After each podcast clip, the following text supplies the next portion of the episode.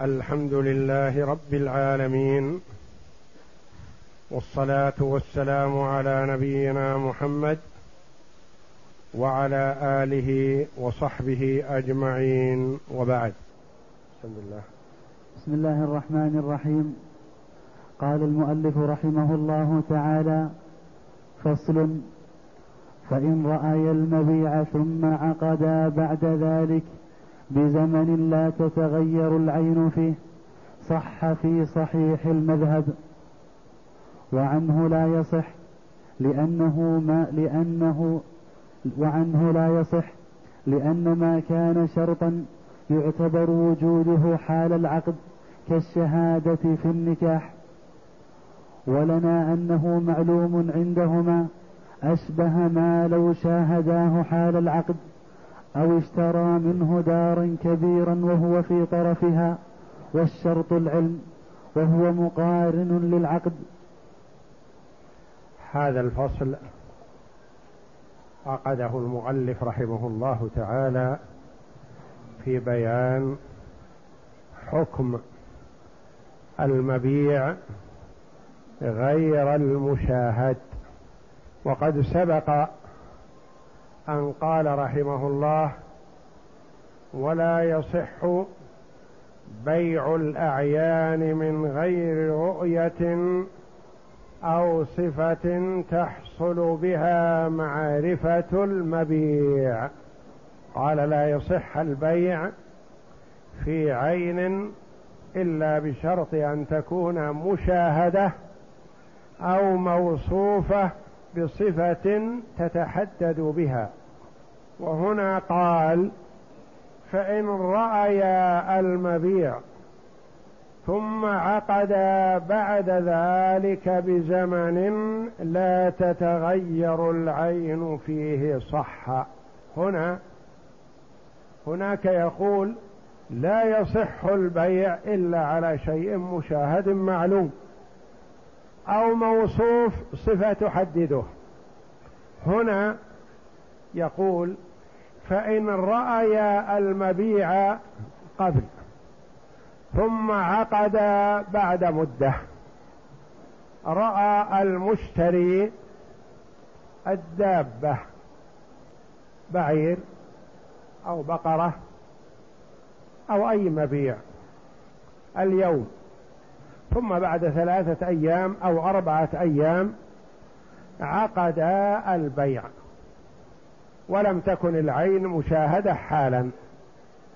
هنا البيع صحيح لأن المدة ثلاثة أيام أو أربعة أيام لا يتغير بها المبيع. أما إذا كانت المدة يتغير بها المبيع فلا يصح. البعير أو البقرة رآه المرء قبل خمسة أشهر ثم جاء إليه صاحبه وقال بعيري الذي رأيته قبل خمسة أشهر بكم تشتريه؟ فسأمه فباعه عليه. هنا لا يصح. لأن المدة طويلة ويتغير فيها المبيع. يجوز إن الدابة هزلت والدار تأثرت بالساكن بهذه الفترة فلا يصح. أما إذا كان لا يتغير منها المبيع فيصح. القول الآخر أنه لا يصح حتى لو لم يتغير بها المبيع ما دام قد مضى مدة. لأنه يلزم أن يكون في العين المبيعة معلومة ومشاهدة ومرئية. قال لازم من مشاهدتها كما يلزم المشاهدة والحضور في كالشهادة في النكاح. يلزم أن يكون عند العقد. ويشهد الشاهد عند الإيجاب والقبول ولا يصح.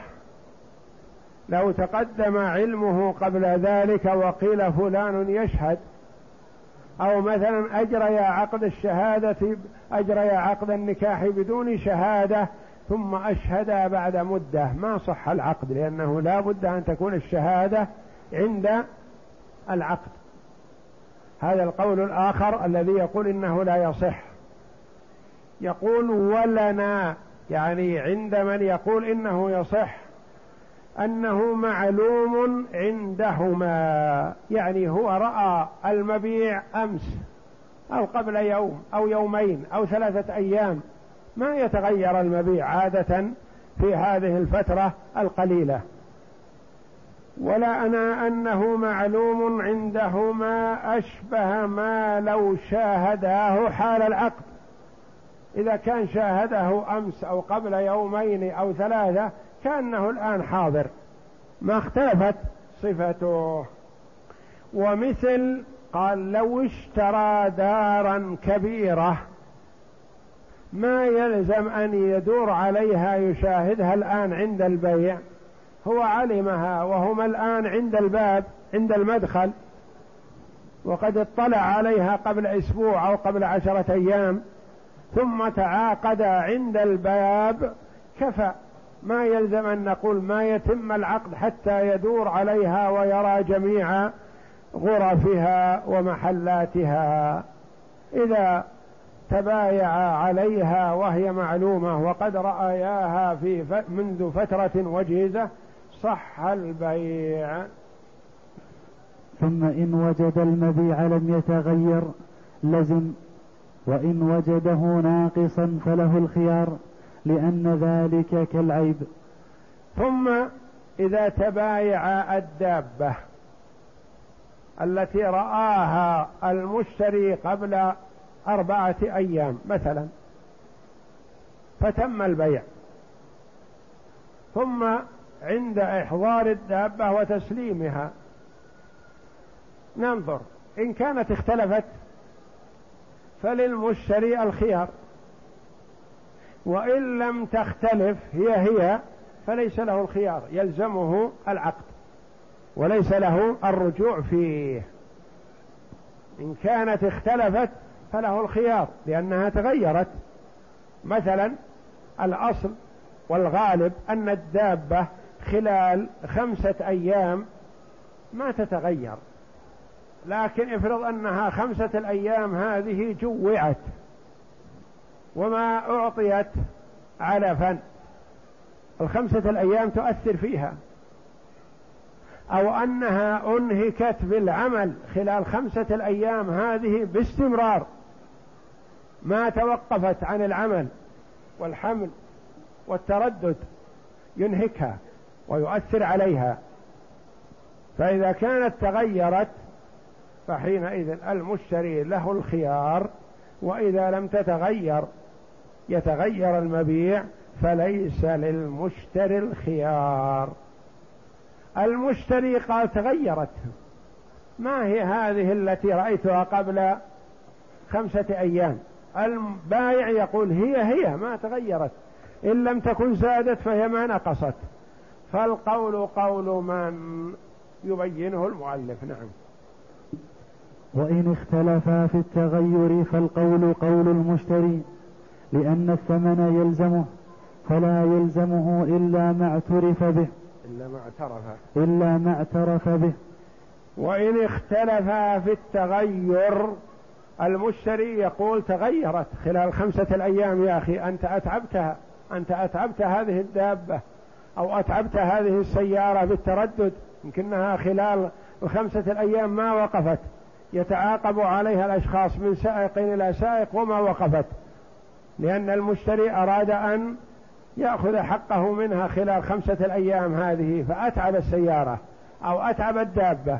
المشتري يقول تغيرت ليست هذه التي رأيتها قبل خمسة أيام.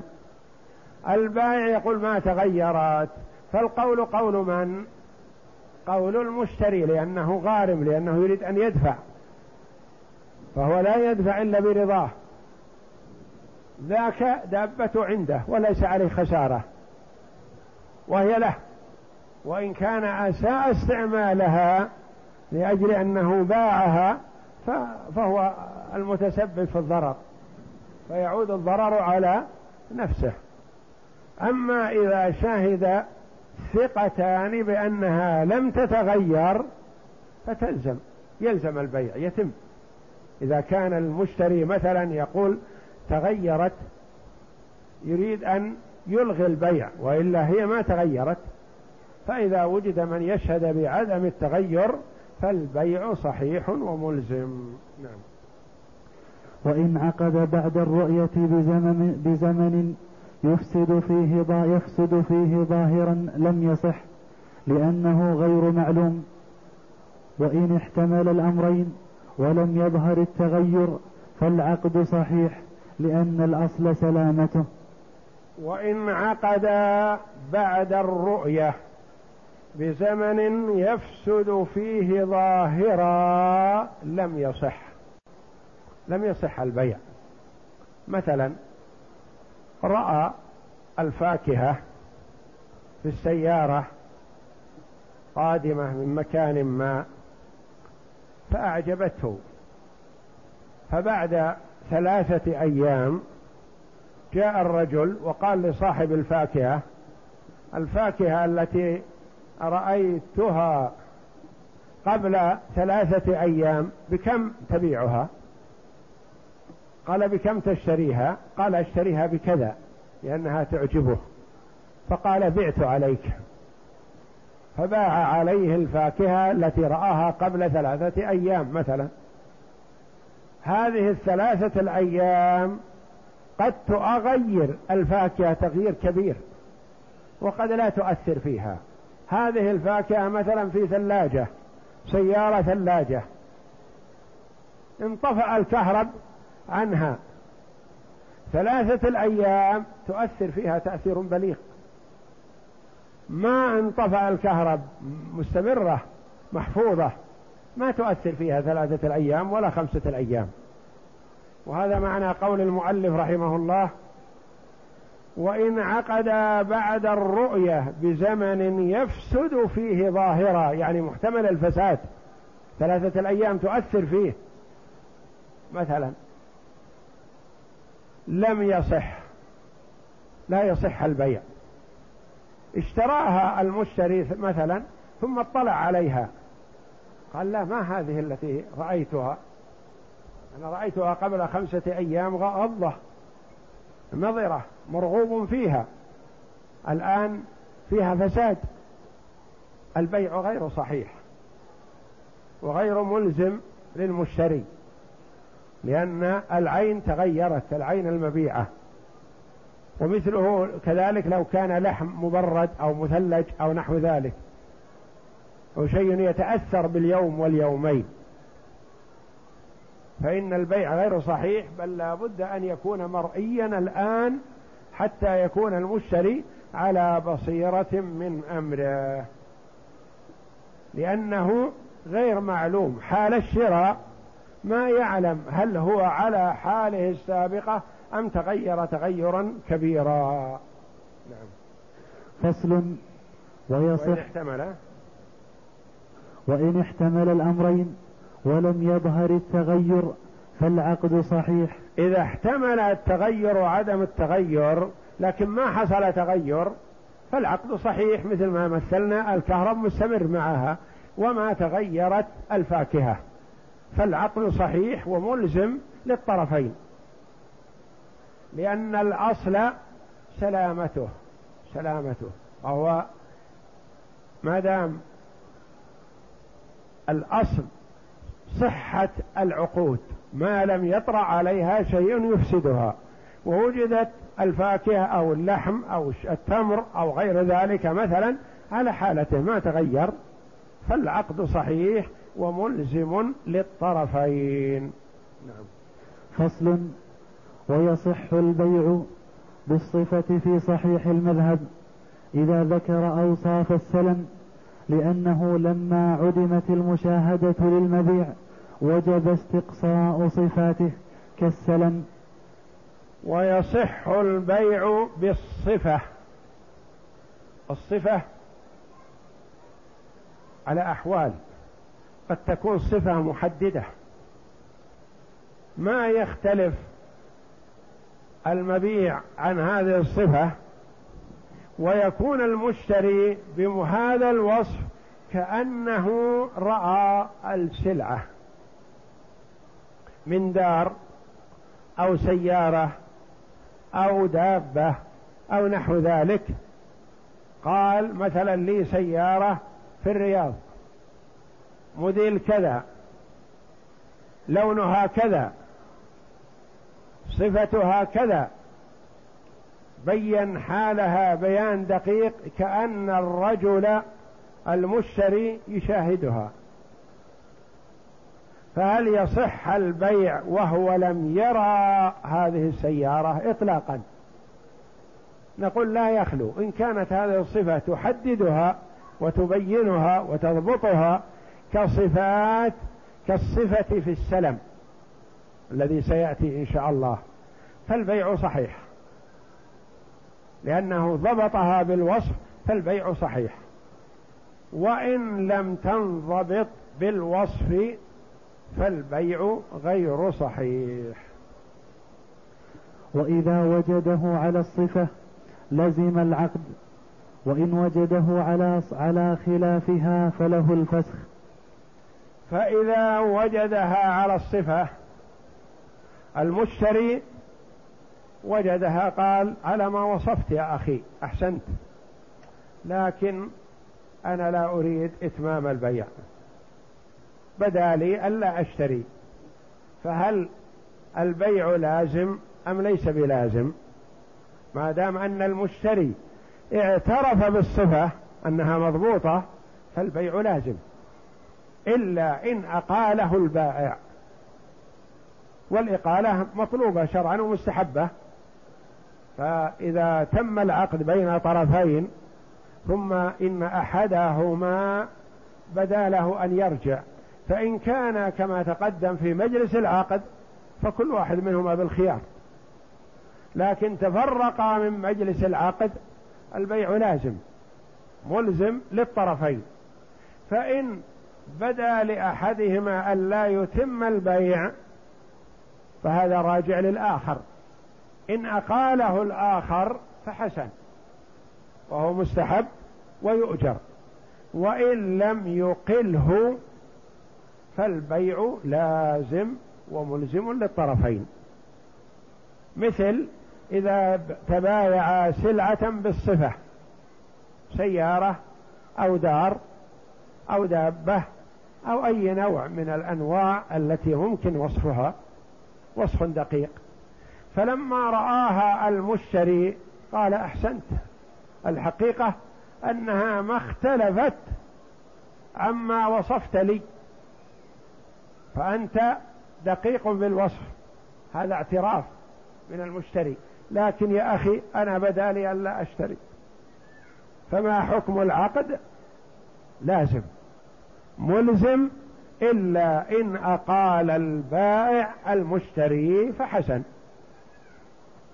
لكن إذا لم يقله قال لا يا أخي أنا اشتريت بعدما بعت عليك اشتريت حاجة أخرى ودفعت الدراهم التي أعطيتني لهذه الحاجة فما عندي ما أرد عليك القيمة.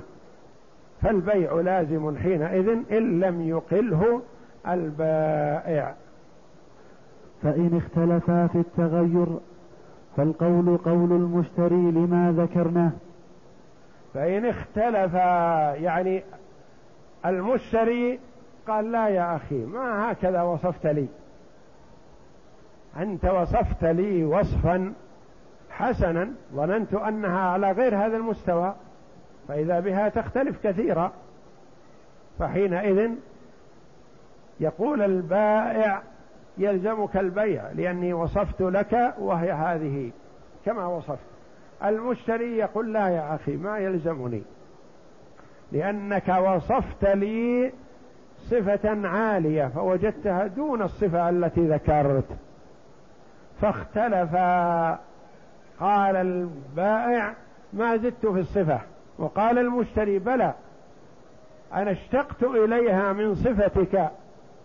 فظننت أنها أحسن من كذا فإذا بها دون الصفة التي ذكرت. فالقول قول من؟ قول المشتري لأنه دافع يدفع الدراهم. وذاك سلعة عنده. فما يلزم المشتري بأن يدفع لسلعة ما وضحت له. والمش والبائع ما تضرر خلال هذا لأن هذه سلعته. وهو جازف في الوصف ووصفها وصفا حسنا فعاد مجازفته ضررها عليه. هو الذي زاد في الصفة فبطلت وفسدت البيعة. فهذا له الخيار فيقول سلعتك لك ولا أريدها. نعم.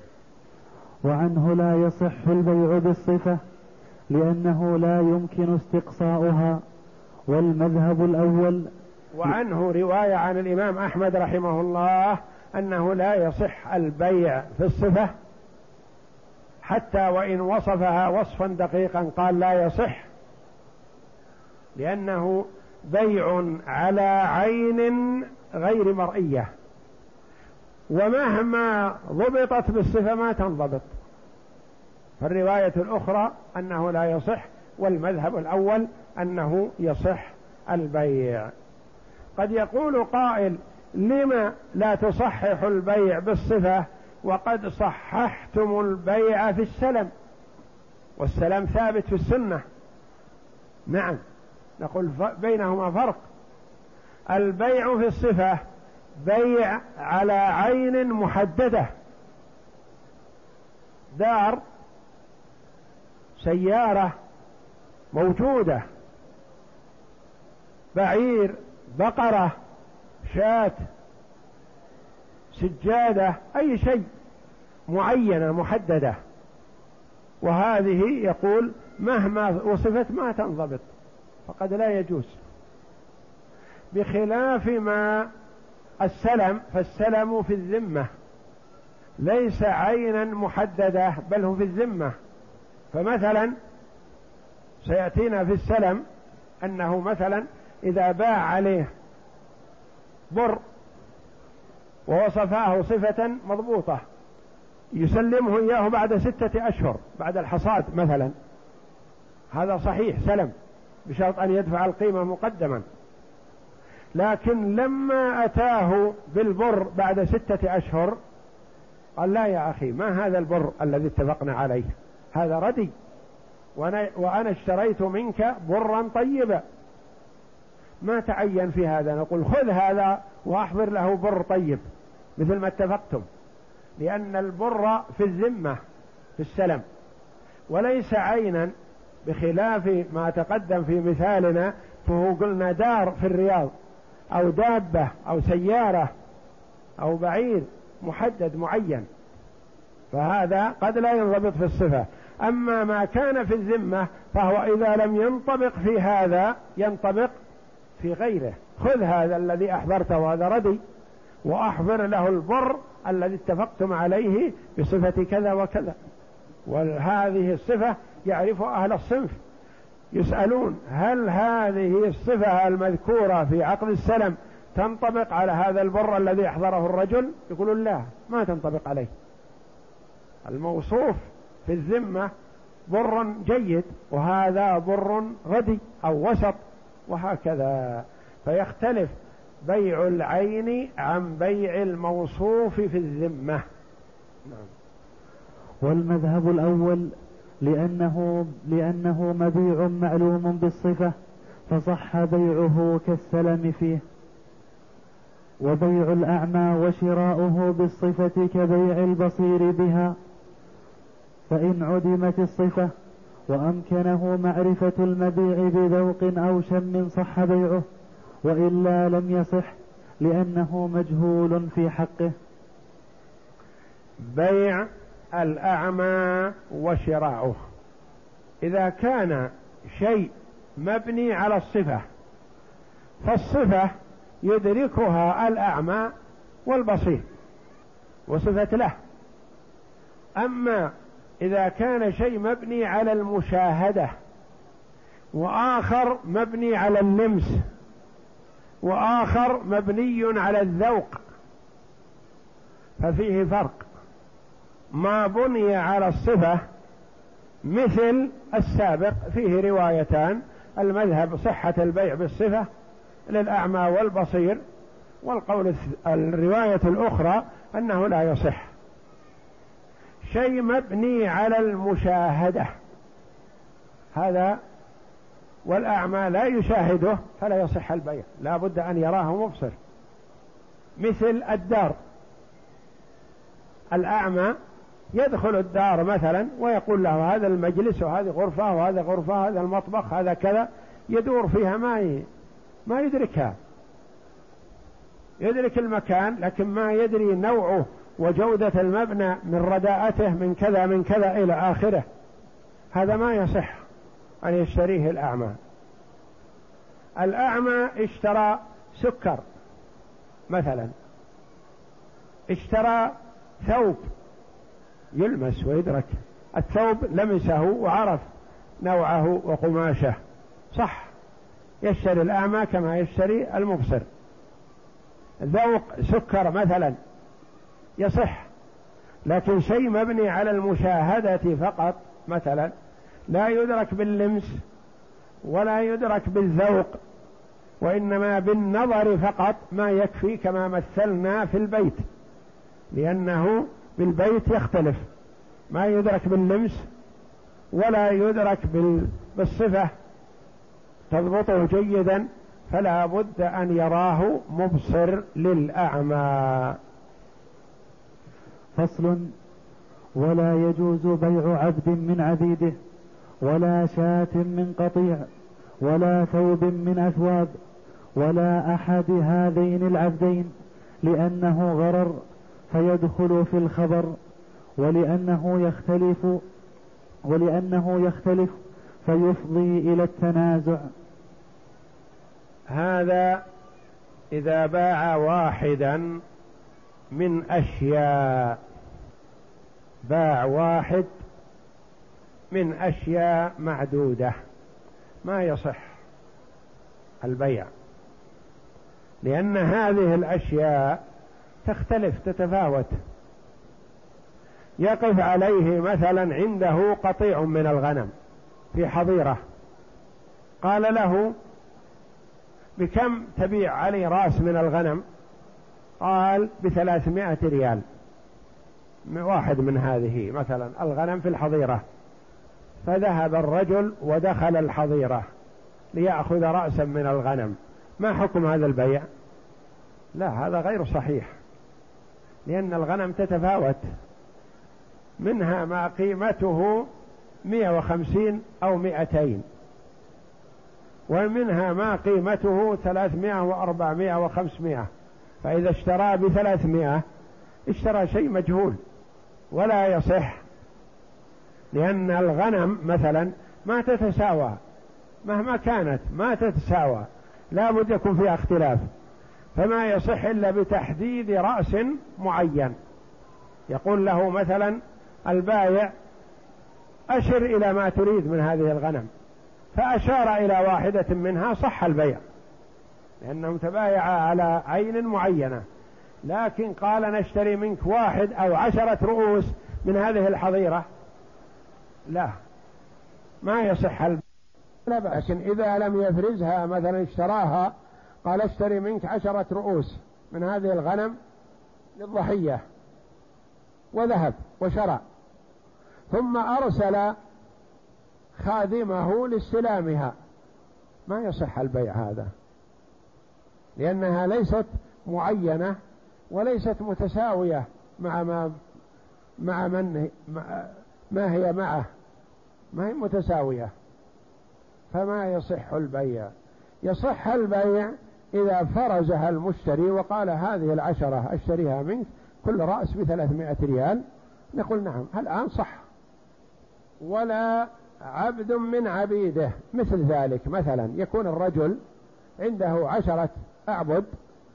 قال أريد أن أشتري منك واحد أو اثنين أو ثلاثة من عبيدك. قال نعم أبيعها عليك. كل واحد في خمسين ألف مثلا. ما صح البيع لأن الأعبد تتفاوت. ولا شاة من قطيع كما تقدم ولا ثوب من أثواب. لأن الثياب وخاصة الصنعة القديمة تتفاوت. أما اليوم الصناعة الحديثة فقد تكون متساوية ما تختلف. تكون مئات الثياب ما يختلف بعضها عن بعض. أو مئات القطع الأواني ما تختلف بعضها عن بعض. هذه ستأتي أنه يصح بيعها لأنها ما فيها اختلاف. ولا أحد هذين العبدين. لما قلنا هذا لا يصح؟ لأنه مو محدد ليس واحد منهما. هو الرجل معه رقيقان. قال جاءه واحد قال اشتري منك واحد من هذين بخمسين ألف ريال مثلا. هل يصح البيع هذا؟ لا. إلا إذا أخذ واحد بعينه وقال هذا الذي أريد صح. أما في الأول فهو قال أشتري منك واحد من هذين ما ندري أيهما. لأنه غرر فيدخل في الخبر. ما المراد بالخبر؟ الحديث السابق نهى صلى الله عليه وسلم عن بيع الغرر. ولأنه يختلف.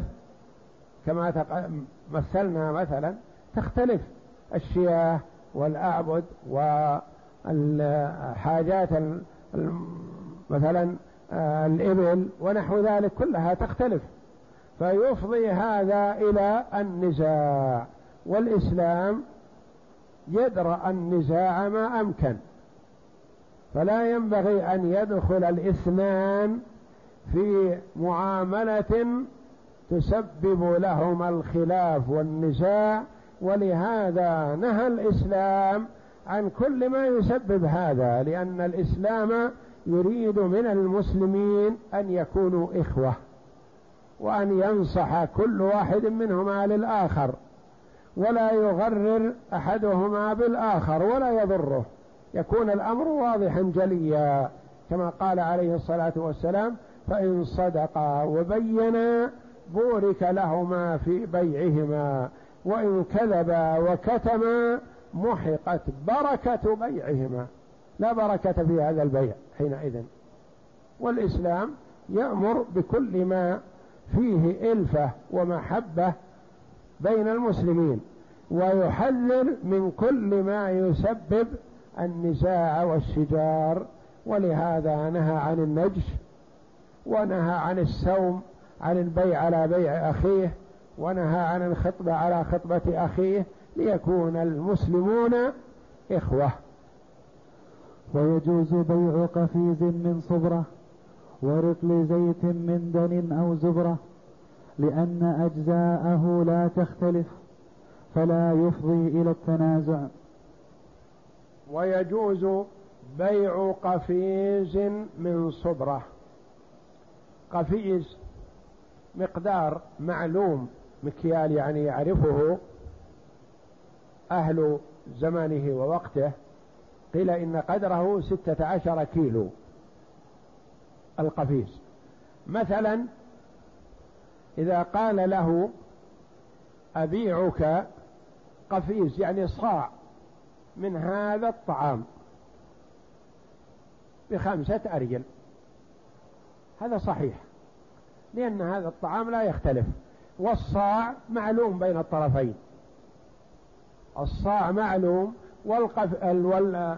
والقيمة معلومة فلا اختلاف. والصبرة الطعام يرى ومشاهد.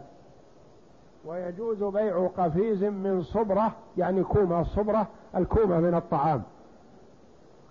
ورطل من زيت ورطل زيت من دن.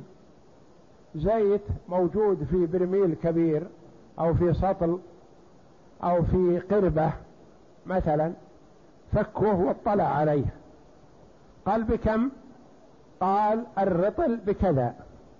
الرطل ما هم ليس منحاز الآن هو رطل من هذا الزيت هذا صحيح. لأن الرطل وزنه معلوم.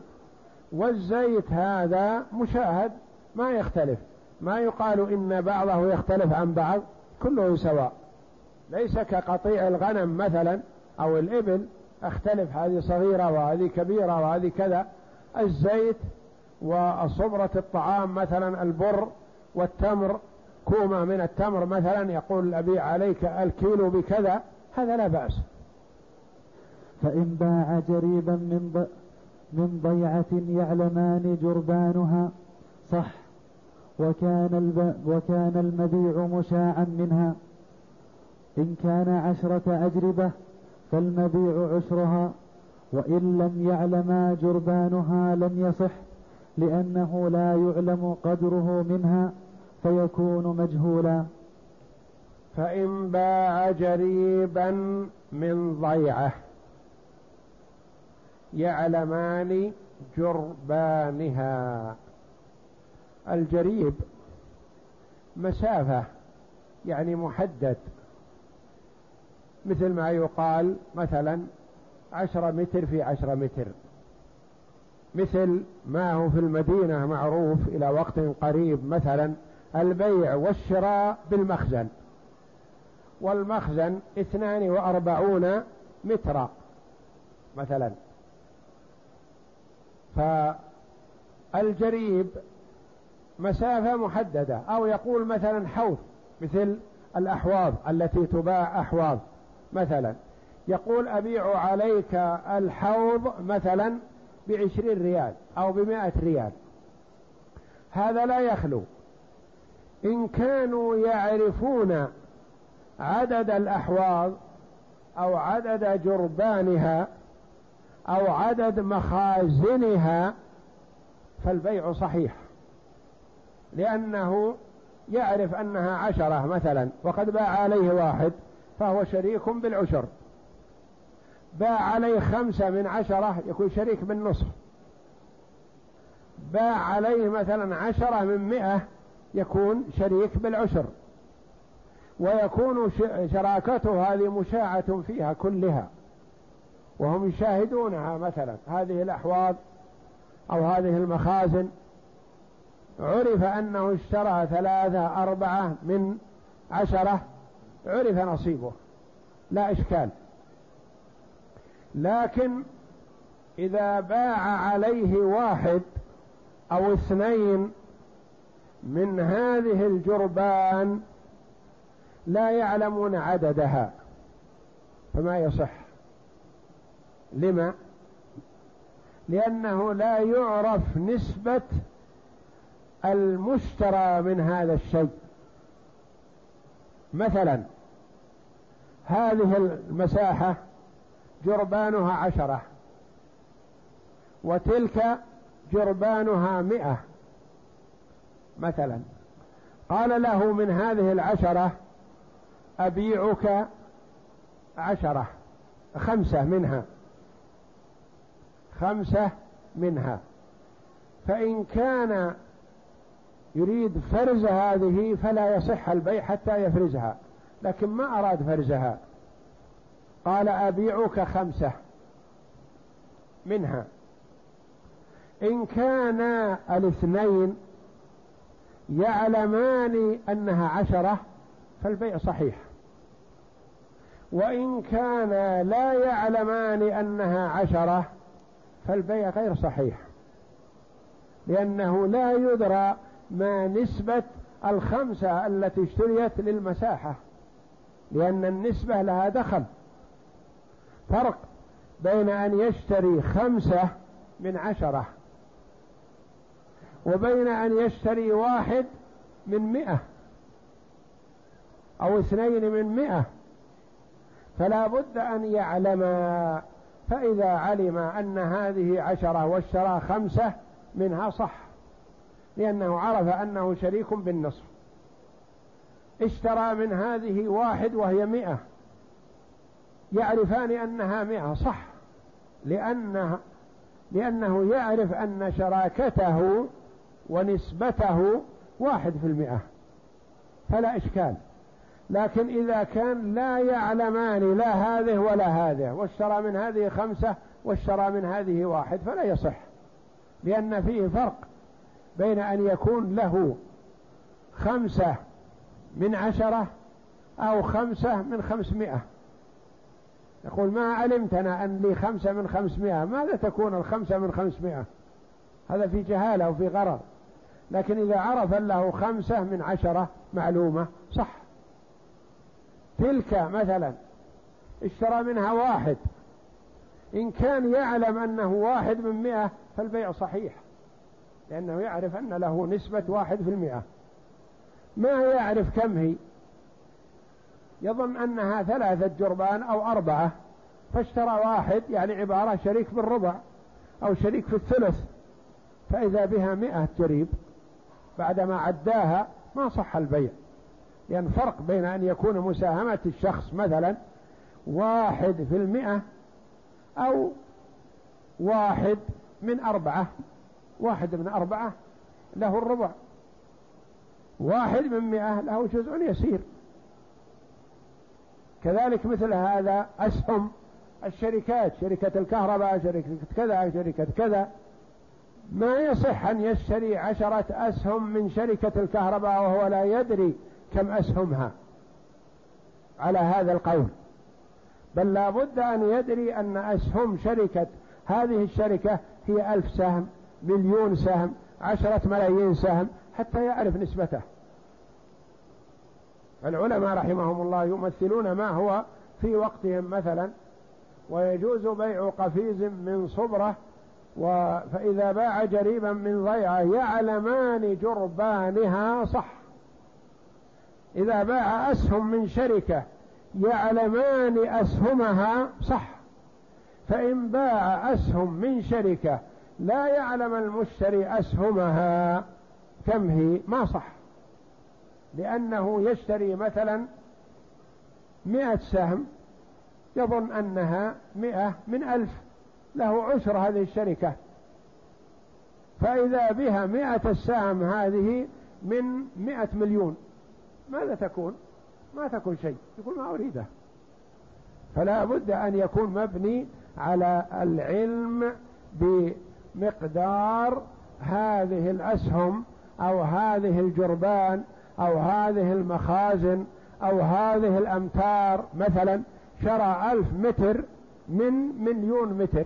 صح لأنه اشترى ما له له نسبة منه. واحد من مئة مثلا. فصل وما لا يختلف أجزاء. عرفنا أنه في الأشياء المحددة الأشياء المعينة إذا اشترى منها نسبة أو عدد معين لابد أن يعلم المشتري والبائع مقدار هذه الأسهم. افرض أن المشتري يعلم البائع ما يدري. باع له ألف سهم في شركة كهرباء مثلا. يسأل البائع يقال كم أسهم شركة الكهرباء؟ يقول لا أدري. ما يصح البيع. لأنه قد يجوز فيما بعد يكون عليه غرر هو عليه جهالة. يقول مثلا أنا بعت ألف سهم على نية أن أسهم الشركة عشرة آلاف. فإذا بها ثلاثة آلاف وأنا بعت ألف يعني عبارة كأني بعت ثلثة شركة. ففي هذا غرر علي وما علمت. أنا ظننت أني بعت عشر الشركة. فإذا بي بعت ثلث الشركة. وثلث الشركة ما أرضى أن يكون بهذه القيمة. وهكذا والله أعلم. وصلى الله وسلم وبارك على عبده ورسول نبينا محمد وعلى آله وصحبه أجمعين.